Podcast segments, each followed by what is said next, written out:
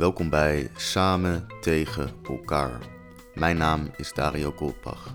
Dit zijn wekelijkse inzichten vanaf een plek waar de democratie aan een zijde draadje hangt. Planeet Aarde. In het stuk van deze week brieven.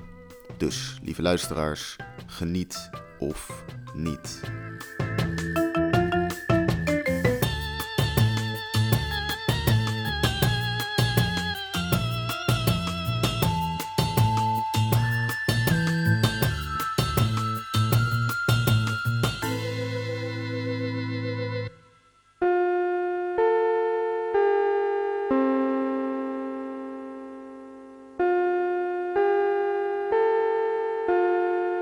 Het hoofdprogramma gaat reeds van start.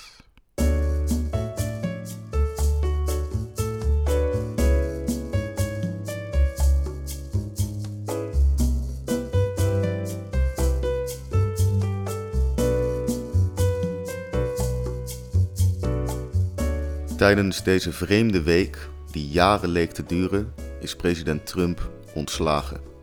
Joe Biden en Kamala Harris zijn de mensen die een versplinterd en ziek Amerika moeten zien te genezen. Wanneer de ene senior ruimte zal maken voor de volgende, zal een nieuw tijdperk aanbreken. Hopelijk een positiever tijdperk, met meer debat en minder kinderachtig gekrijs. Want ik ga niet liegen voor je, ik ben uitgeput. Het is traditie voor zittende presidenten om een brief achter te laten voor hun opvolger. Die brieven, soms grappig of ontroerend, zijn vooral een symbool van een gezonde democratie, waar de overdracht van macht plaatsvindt zonder gelogen tweets in hoofdletters. Ik heb voor u verzameld de afgelopen vijf brieven van president naar president. Ronald Reagan, Bush senior, Bill Clinton, Bush junior en Barack Obama. Geniet van wat ouderwets fatsoen. Soms vergeet ik wel eens hoe dat eruit ziet. 19 januari 1989. Ronald Reagan aan George Herbert Walker Bush. Dear Jeb Bush's dad, congratulations on turning into the president. I always thought that you might one day turn into the president, and now you have done that, so there you go, and that's great. You should be proud of yourself and afraid of yourself for what you have accomplished. I know I am. Bravo, etc. Being the president is the toughest job in the world, but it is also the most rewarding. It is a terrible burden that drains you of happiness until you are an empty shell of a man. But it is also nice to get to go on an airplane for free sometimes. Please allow me to pass on some things I have learned during my eight years as president that might be of some use for you. Here's the deal, Father Bush.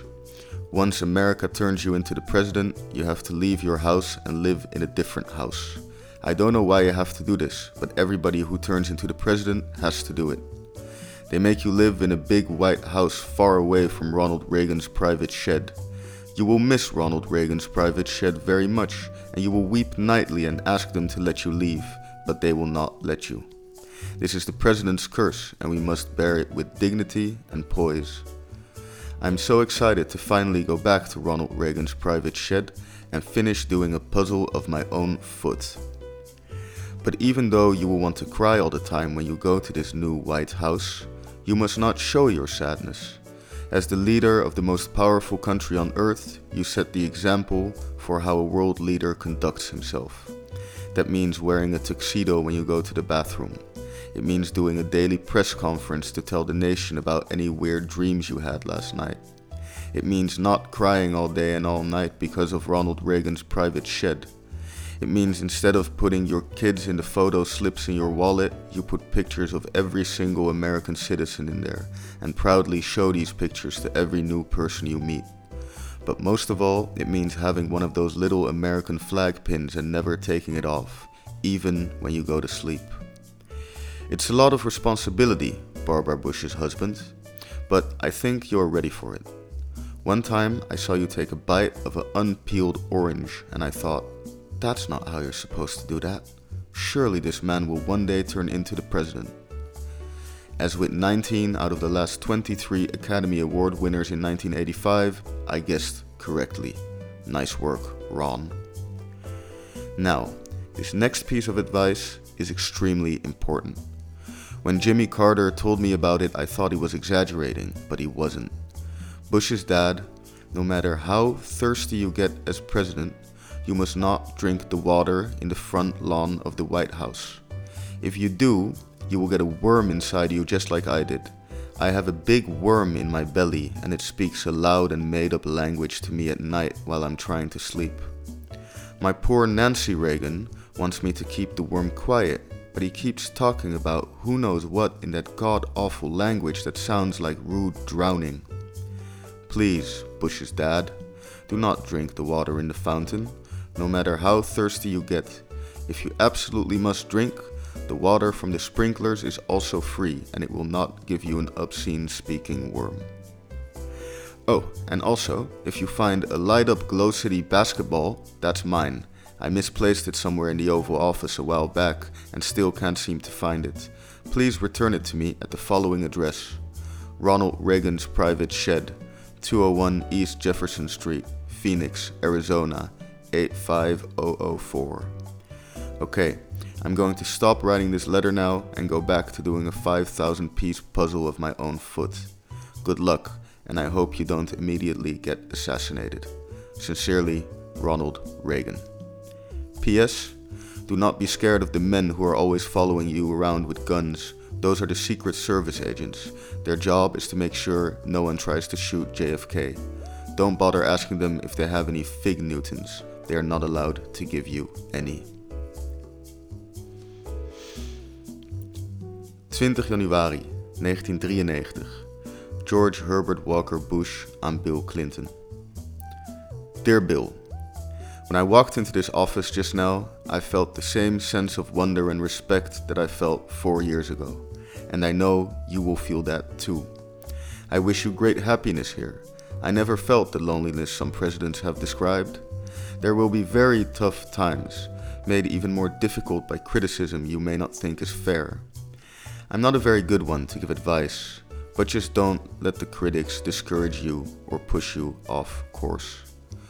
You will be our president when you read this note. I wish you well. I wish your family well. Your success is now our country's success. I am rooting hard for you. Good luck, George.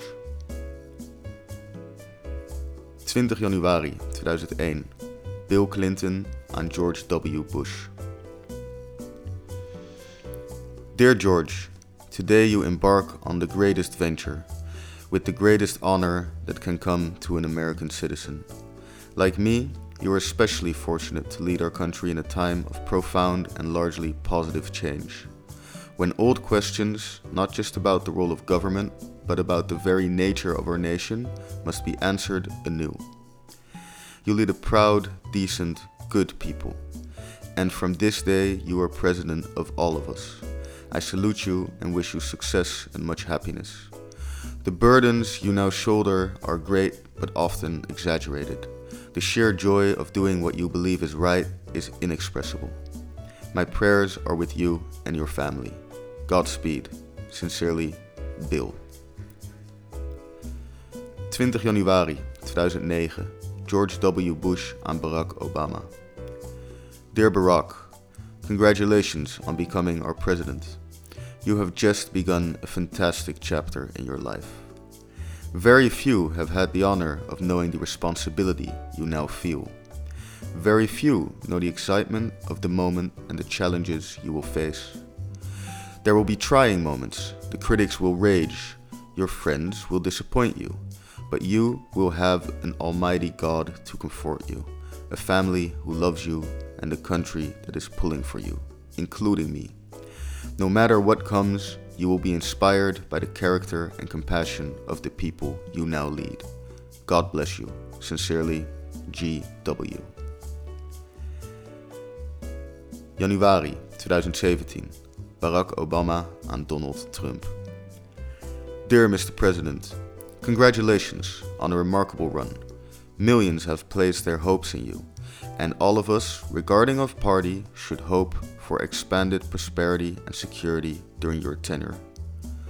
This is a unique office, without a clear blueprint for success, so I don't know that any advice from me will be particularly helpful. Still, let me offer a few reflections from the past eight years. First, we've both been blessed, in different ways, with great good fortune. Not everyone is so lucky. It's up to us to do everything we can to build more ladders of success for every child and family that is willing to work hard. Second, American leadership in this world is really indispensable. It is up to us, through action and example, to sustain the international order that's expanded steadily since the end of the Cold War and upon which our own wealth and safety depend. Third, we are just temporary occupants of this office.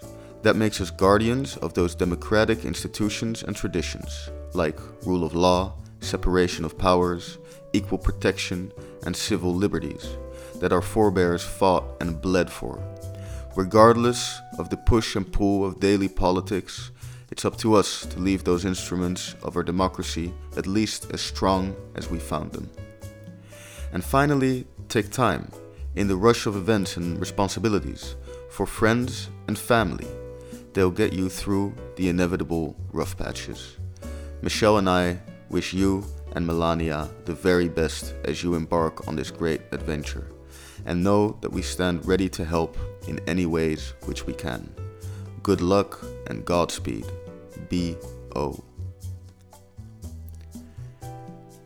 Zal Trump een brief schrijven aan Joe Biden? Op het moment van schrijven heeft Trump nog niet eens zijn verlies geaccepteerd, dus het lijkt heel ver weg. Maar hij moet toch wel een brief schrijven? En als hij dat niet doet, zal hij een jarenlange traditie verbreken. Maar als hij het wel doet, wat schrijft Donald Trump dan in godsnaam aan zijn Sleepy Joe? Ik hoop dat Trump mij verrast, maar waarschijnlijk zal hij mij nog één laatste keer op geheel eigen wijze teleurstellen.